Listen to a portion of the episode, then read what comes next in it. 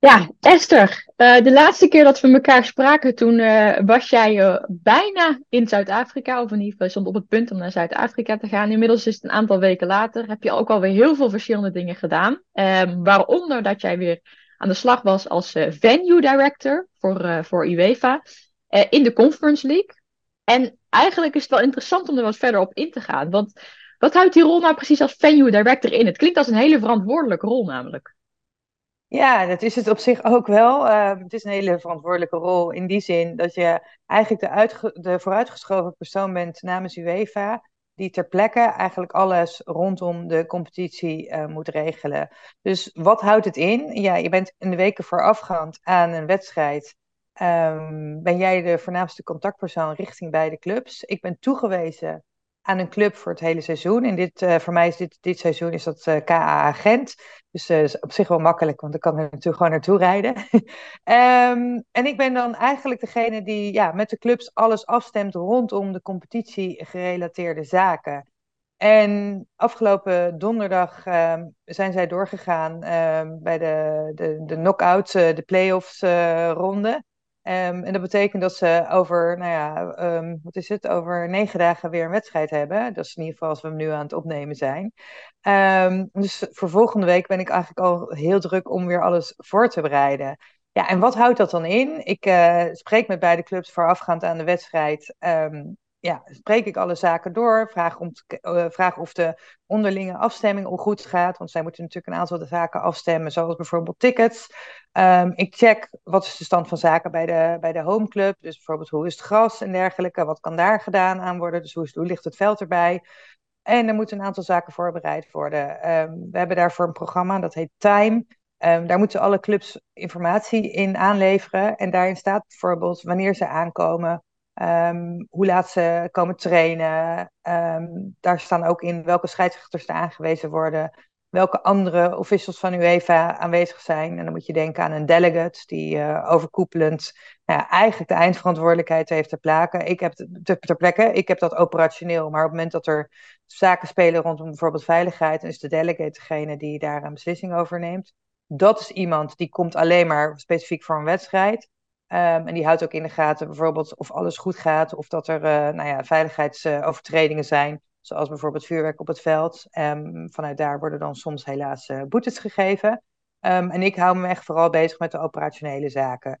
Ja, dus in de voorbereiding moet ik een aantal dingen voor, ja, dus, dus, dus uh, klaarmaken. Ik moet documenten klaarmaken, zodat bijvoorbeeld, ja, moet je denken aan pitch protection maps. En dat houdt in Um, dat bijvoorbeeld het gras, als het wat minder goed erbij ligt, dat kan zijn na, na een intensieve periode of na een winterperiode, dat we um, aangeven van nou, bepaalde delen van het gras mogen ze eigenlijk niet gebruiken om het gras zo goed mogelijk te houden voor, um, voor de wedstrijd zelf.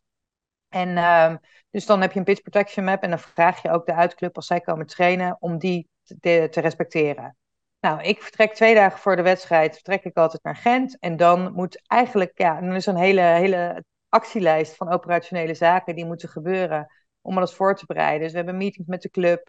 Um, vanaf nu is, uh, vanaf vorige ronde is er ook uh, VAR, wat, wat we eigenlijk niet hadden in, uh, in de groepsfase voor de Conference League.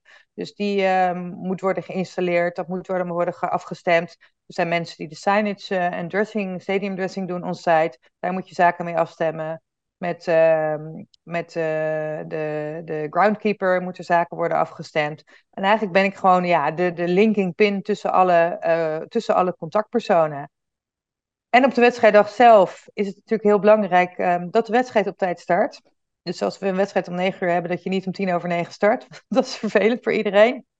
En daarin ben ik ook verantwoordelijk om ervoor te zorgen dat die clubs um, op tijd de kleedkamer uit zijn. En dan sta ik echt als een soort timekeeper. Um, sta in de gaten te houden van oké, uh, gaan we starten. En uh, dan begin je op een gegeven moment nee, je maakt dus een countdown to kick-off. Dus die baseer je eigenlijk op het, eh, op het stadion. Van hoe lang ben je bezig om ergens heen te lopen. Dan hebben we natuurlijk de, de, hymn of het anthem die wordt gespeeld. Dan, eh, dan uh, zijn er de handshakes. Dan is er um, een groeps, de, de foto's, de teamfoto's worden gemaakt. En dan is het zaak dat je niet voor negen uur start. Nou, er zitten allerlei richtlijnen aan. Daar zal ik je nu niet, uh, zal ik niet, nu, nu niet zoveel op ingaan. Maar je moet in ieder geval niet voor negen uur starten. Want uh, ja, dan komt het voor tv natuurlijk niet goed uit. Ehm, en het is dus zaak om wel zo dicht mogelijk rondom negen uur te starten. Ehm, waarbij er ook weer bepaalde eisen zijn. Dat je een aantal minuten moet hebben tussen nou ja, de start van de anthem en, ehm, en de start van de wedstrijd. En dan sta ik inderdaad aan, het, uh, aan de zijlijn samen met de vierde official. En dan geef ik het zijn 15 seconden. En dan 10 seconden en dan aftellen. zodat ook de tv weet, oké, dit is het zijn om te starten. En um, ja, en dan starten we de wedstrijd. En afgelopen week had ik echt uh, een hele lekkere, want we starten om 21.00.01. dus, uh, dus ja. Dat, dat is heel knap getimed. Dat was uh, lekker getimed, ja. ja Daar was precies. ik heel blij om. Ja, en, dat kan ik me ehm, voorstellen. En tijdens de wedstrijd zit ik dan uh, ja, tussen de twee banken in. Hou ik in de gaten of alles goed gaat met de, met de beide teams. En ik hou ook bijvoorbeeld uh, de wissels in de gaten. Die geef ik dan door aan de host broadcaster, dus aan de tv. Zodat ze van tevoren weten welke wissels er aankomen. Extra tijd en dergelijke. Dat geef je door. En je houdt gewoon in de gaten of er ja, geen rare dingen gebeuren. Uh, in of om het veld en vooral met de teams. En als er zaken zijn die geregeld moeten worden, nou, dan spreek ik dat door met de clubcontactpersoon. En ehm, ja. ja, eigenlijk is dat het. Nou ja, mochten mensen nog vragen hebben naar aanleiding van, de, van onder andere deze rol die Esther een aantal keren zo in het jaar bekleedt, dan, dan laat het vooral eens ook even weten. Dat kan in een YouTube-reacties, maar dat kan ook via onze social media kanalen. En dan spreken we elkaar de volgende keer.